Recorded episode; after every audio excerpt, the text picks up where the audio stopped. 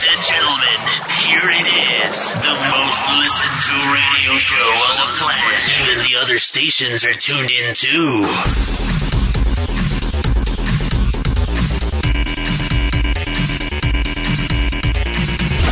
Podcast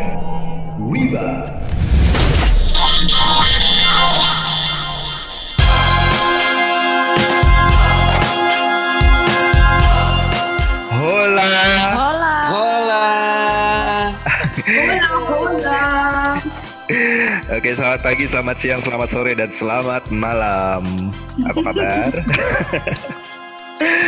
Aduh Ini kita mau ngapain sih? Puasa. Puasa dong Oke kenalin, eh, aku Andika Tovano eh, Atau panggil Uwo juga, Uwo Dika Lalu Hola. Halo, hola. berikutnya ada ada wanita yang eh, berasal dari Makassar Kirain tadi mau bilangnya wanita yang setengah jadi. Aduh. Oh enggak, wanita setengah jadi seterusnya nanti Satu lagi Oh, iya, iya. Namanya kayak kayak kayak tahu arahnya ke mana. Enggak, enggak, enggak, enggak, enggak. Kan namanya siapa? Hmm. Ah, Aku Giska dari Makassar. Oke, next kita ada yang dari Aceh Dari Aceh. Bukan dari Aceh ya? oh dari Medan. Ya, aku Kifli dari Medan. Udah gitu aja. Dan berikutnya uh, ada dari Papua. Wanita soleh. Soleha. banget. Ukti, ukti. Halo, saya Tias. Oke, jadi kita berempat ada Andika Tovano, ada Giska, terus ada Kifli dan juga ada Tias. Kita uh, di sini mau bergibah. Puasa lo gak boleh gibah, wiba aja. Wiba. Oh kita mau wiba. Apa Kifli? Kita kita ngapain sih ini Kifli? Jadi hari ini kita bakal ngomongin tentang eh, COVID dan asuransi. Covid dan asuransi. Oh, yang, yang mm-mm, gitu. Iya. Eh, eh, tapi sebelumnya kita kenalin dulu kali ya. Iya. Kita ini apa sih? Kita mau Apa ngapain sih gitu. Sebenarnya kita itu Ah, iya, adalah betul betul betul. kita adalah podcast. Kita, Kita lagi- itu adalah podcast Wiba, bukan Giba. Kita ada di podcast eh, Wiba bukan Gibah dan eh, kita berempat sebenarnya hostnya ya. Jadi bukan satu orang hostnya tapi berempat ya hostnya. ya. itu kenapa? saya. Betul benar itu kenapa ada suara anak kecil? Oh my god, bocor. Gak apa-apa, gak apa-apa. Kita santai aja sih. Podcast kita kan podcast yang santai. Sebenarnya podcast yang gak terlalu serius, tapi harus eh, ada isinya, ada Oke. faedahnya, Bermakna. Berfaedah. berfaedah gitu kan. Kenapa sih kita bikin podcast? Pasti banyak pertanyaan kenapa kita bikin podcast karena kita semua juga eh, punya alasan sendiri-sendiri sih walaupun sebenarnya alasannya sama gitu. Tapi kita punya satu hal. Kayak gue sendiri nih kenapa kita eh, punya ingin bikin podcast ini? Kalau menurut gue adalah eh, di saatnya di saat lagi. Saat kita lagi PSBB lagi work from home banyak di luar ya kita masih bisa cari ilmu.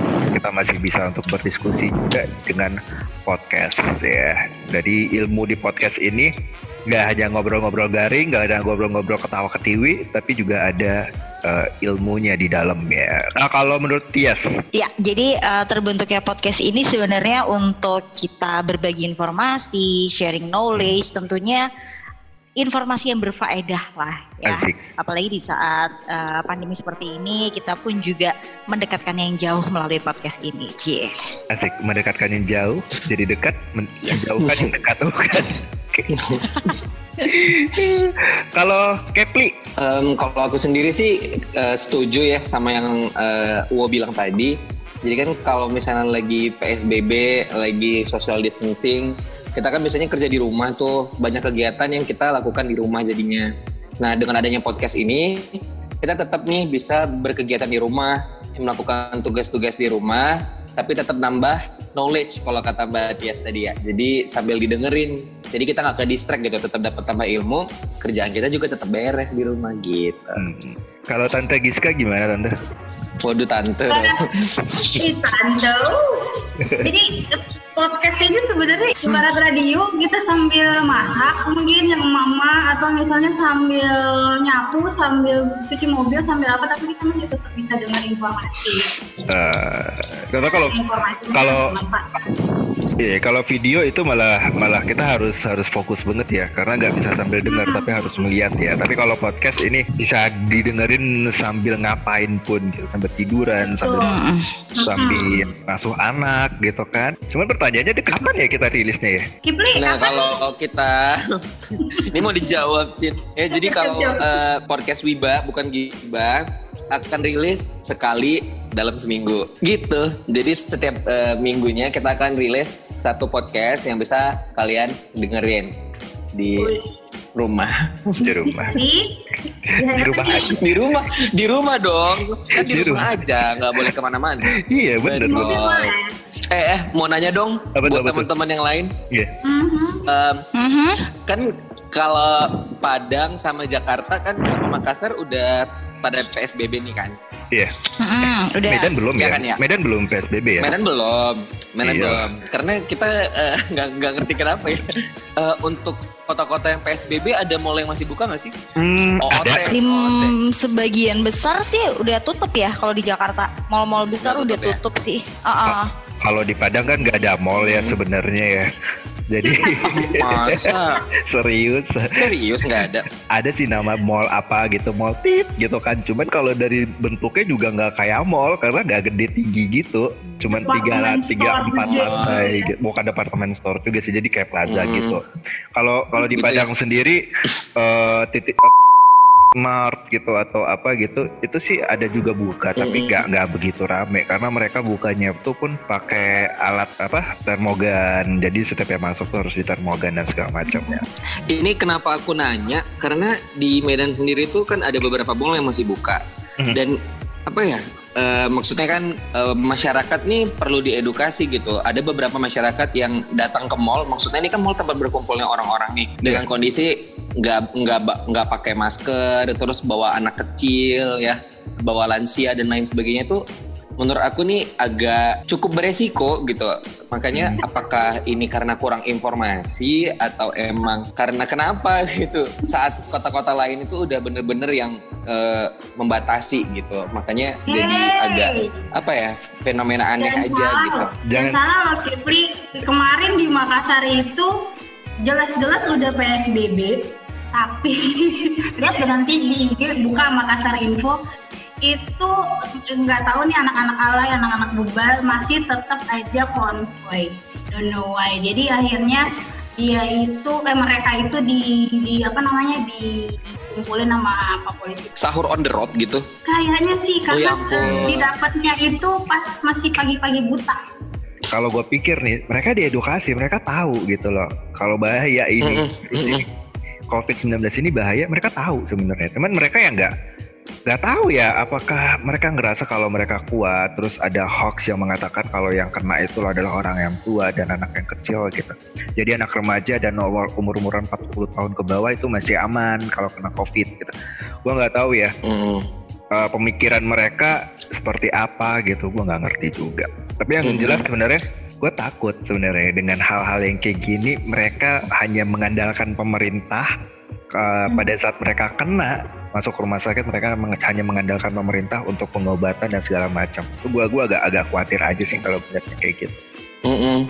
Setuju sih. Iya sih. Jadi betul betul. Kak, pas pas balik banget lagi. nih, nih hari ini ya kita episode pertamanya ya Mbak Tasya ya apa tuh Iya jadi balik Nabrak lagi sih tuh. Nabrak ya. Balik lagi ke masing-masing individu sih karena masing-masing individu itu berbekal pengetahuan mengenai COVID itu belum tentu semuanya clear gitu kan. Artinya simpang siur informasinya di media ada yang bilang A, ada di media yang bilang misalkan informasinya yang B gitu kan. Jadi mereka pun masih belum tahu sendiri COVID itu sebenarnya kenapa, terus bahayanya itu Mm-mm. seperti apa, kenapa sih harus kita uh, hindari. Jadi itu masih kayak belum satu suara itu sih. iya benar Saya pun juga setuju setuju setuju Jadi setuju kayak setuju so kita harus ngapain? Paling kita kalau ngelihat satu media, oke, ya udah kita nurutin aja. Tapi media lain berkata lain, itu kan kita belum tahu nih kita harus ngapain gitu kan. tadi kita tadi gue dengar dari lu Kevi kalau ini juga kita ada hubungannya dengan asuransi ya Mm-mm. maksudnya gimana tuh Em, jadi kan kita nih podcastnya kan Wiba bukan Gibah ini Nah. itu kan eh, kayak dibilang sama Giska tadi di awal kita akan membahas tentang asuransi. Hmm. Nah, tema kita hari ini tuh kan COVID dan asuransi. Nggak kenal, maka nggak tayang gitu ya. Iya kenal makanya. Nah, gimana caranya? Bener. Gimana caranya kita tetap bisa apa ya? Membatasi diri gitu ya secara sosial, social distancing, tetap di rumah aja, tapi tetap melindungi diri kita gitu. Karena kita nggak tahu siapa aja yang eh, apa ya beresiko menularkan dan lain sebagainya. Nah, kalau resiko itu terkena di kita, setidaknya kita sudah punya perlindungan dari asuransi gitu, teman-teman semuanya. Hmm. Benar benar benar. Karena kita nggak perlu nggak perlu harus eh, menunggu atau berharap dengan pemerintah ya. Karena kita sudah Hmm, punya sendiri betul. asuransi gitu loh. Dan di awal-awal juga sebenarnya selain sembako nih, asuransi juga jadi salah satu produk yang kena dampak panic buying loh. Serius? Hmm, yes.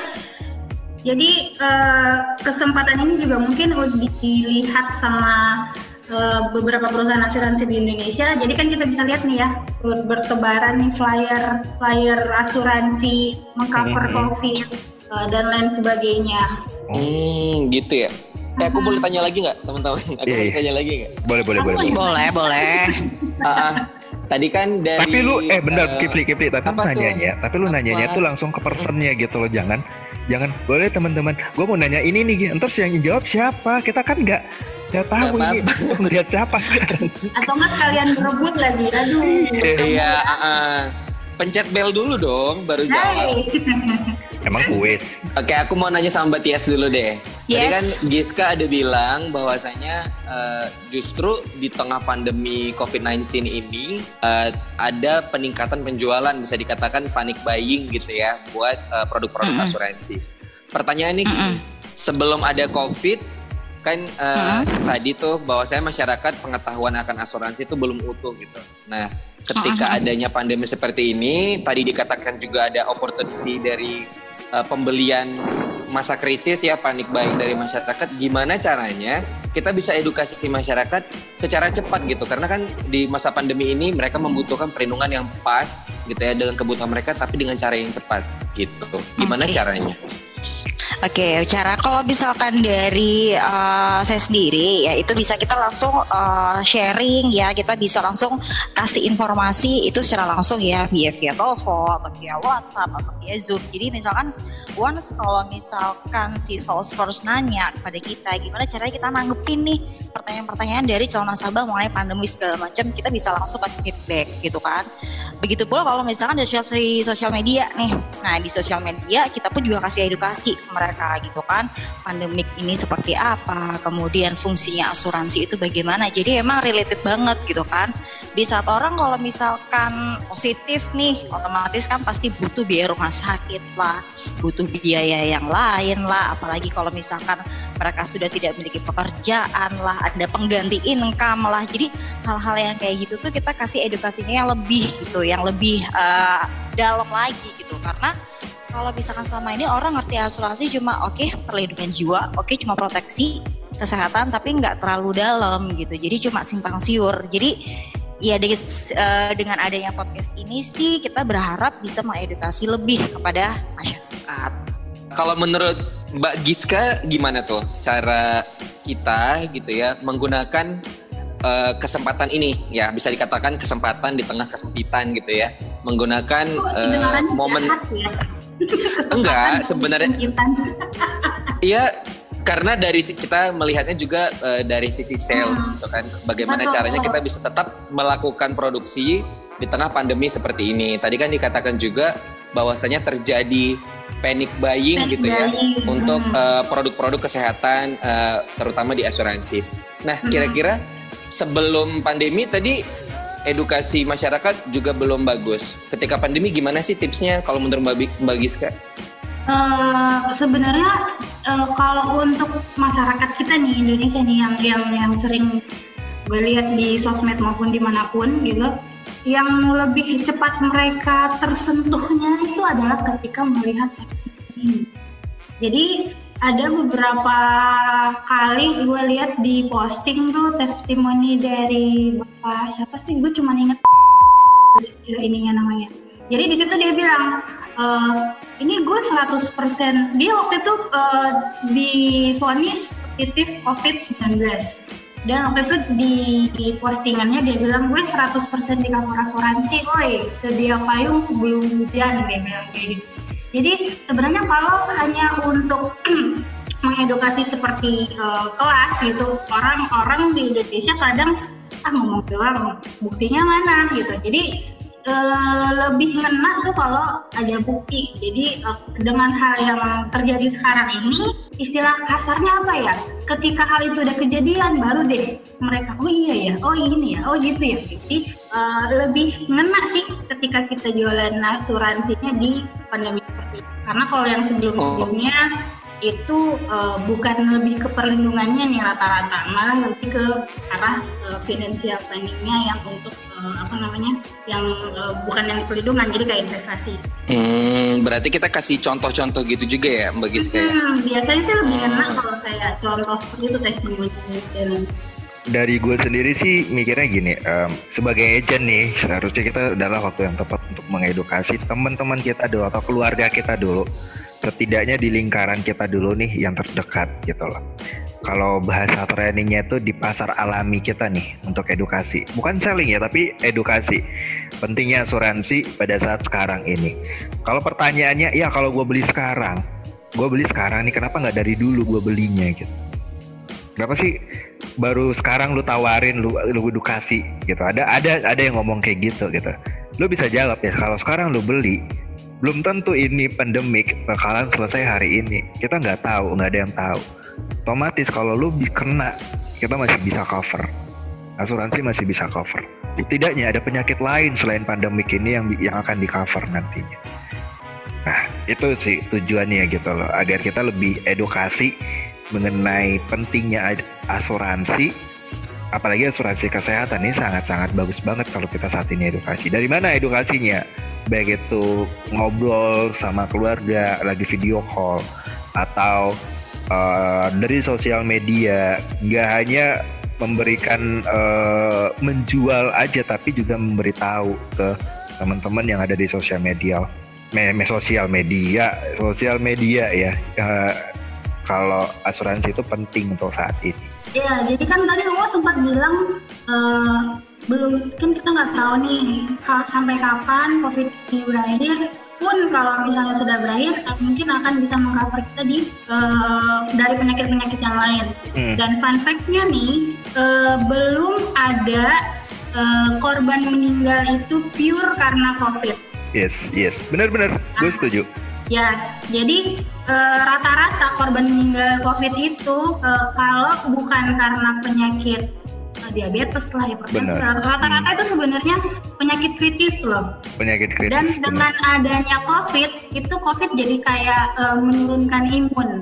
Sehingga penyakit-penyakit kritisnya tadi bekerja lebih kenceng nih istilahnya. Kenceng. jadi makanya sampai uh, jadi korban meninggal. Jadi penting juga selain kalau misalnya beli asuransi untuk ada coveran uh, apa namanya penyakit kritis. Intinya dari UO tuh kita edukasinya ke orang-orang terdekat dulu gitu ya. Iya benar benar antar dekat ya, dulu. Kan? Circle pertama ring satu, kita. Ring satu, ring satu. Ring satu. Asik. Asik. Kayak presiden gitu ya, ada ada ring satu. Jadi kan semalam gue baca artikel nih uh, da melihat data per 25 April kemarin diprediksi uh, awal Juni itu 95% COVID di Indonesia itu uh, selesai. 90. Amin. ini rata-rata kayaknya kita nih semua pengen keluar dari rumah ya. Udah berapa bulan di rumah terus. mm, mm, bener. Mm. Tapi kayaknya juga uh, Afrisdan juga sebenarnya juga pingin banget ya keluar ya. Pingin banget untuk main untuk uh, mulai lagi jualan langsung face to face gitu loh.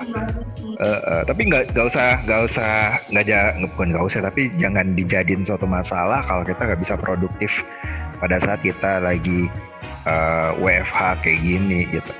Nah. Malan malan dengan dengan adanya begini sebenarnya menurut gue adalah saatnya kita untuk menambah ilmu lagi terus saatnya kita juga untuk mencari cara gimana sih kita, kita harus menjual uh, produk menjual asuransi tapi dari rumah gitu nggak nggak mesti harus uh, face to face gitu It. nah itulah itulah bedanya jadi agen asuransi sama jadi karyawan ya mm-hmm. mau di mana aja tetap bisa kerja tetap bisa kerja bener kalau agen asuransi kita kita bisa kerja di mana aja kita bisa melakukan uh, prospek ya kita bisa ngeprospek uh, dengan cara apa pun gitu loh. Contoh kayak kita bisa melalui sosial media kayak pakai Instagram pakai Facebook atau juga bisa melalui WhatsApp broadcast gitu. Juga atau juga bisa uh, email gitu atau telepon teleponan kayak gitu sih. Masih ada yang mau dibahas nggak nih? Takutnya kita ngalor dulu ke mana-mana nih hmm, kalau kalau dari gue sih ngomongin asuransi dengan COVID-19 kaitannya udah selesai sih kalau dari gue sih udah udah udah gue hmm. keluarin. Nah ini kata-kata terakhir aku nih ya. Oh, uh, kalau kalau kalau misalnya nih ada orang gitu ya masih mikir buat beli asuransi, coba suruh dia tanya sama orang yang beli asuransi tapi ketolak. Itu dia pengen banget beli asuransi gitu, disuruh bayar berapa juta pun dia akan beli tapi sudah nggak bisa. Nah, buat teman-teman yang masih bisa, masih diberikan kesempatan untuk beli asuransi karena masih sehat, gitu ya, coba uh, beli perlindungannya dari sekarang gitu. Ya, masih muda, masih sehat, preminya masih murah. Jadi benar kalau kata Kifli tadi nyambung ya. Jadi asuransi itu uh, dibeli waktu kita masih sehat. Sama halnya kalau misalkan uh, baik lagi ke habit orang Indonesia sebenarnya kalau kita beli sesuatu kan pasti karena kita butuh karena kita pengen menggunakan. Beda banget sama asuransi. Kalau asuransi itu kan kita waktu beli itu pada saat gak butuh, bener nggak? Setuju nggak? Hmm, bener, ya kan? Kalau misalkan uh, kita butuh beli asuransi, belum tentu bisa kebeli. Jadi belilah asuransi waktu kita nggak butuh. Itu sih. Jadi baik lagi ke pemikiran kita ya, ke misalkan ke uh, awareness kita bahwa asuransi itu penting banget. Gitu sih. Hmm. Sip, sip, sip. Giska ada udah gue tadi. Udah ya, oh ya, oh ya, ya. Sorry, sorry, sorry, sorry. Iya, Kalau dari gue sih nggak ada. Iya, gue nggak ada. Oh, ada, ada, ada. Terus, ayo. Oh ya, namanya. Jadi uh, sebenarnya asuransi sekarang itu udah jadi salah satu uh, basic needs kita. Jadi istilahnya udah dia itu udah kayak baju dia udah harus ada. Kalau nggak punya ya akan memberatkan kita di saat kita butuh itu. Asik. Tapi dia nggak ada. Asik kayak cowok gitu ya. kayak kayak kayak pacar gitu. iya bener kayak cowok. Oke deh kalau gitu. Thanks banget iya, ya. Cowok sama aja. Oke okay, kalau gitu. Uh, udah thank you banget deh. Uh, sampai ketemu lagi nanti di episode berikutnya di episode yang lain, episode 2. Terima kasih udah dengerin uh, Wiba, podcast Wiba bukan Giba. And see you. Bye.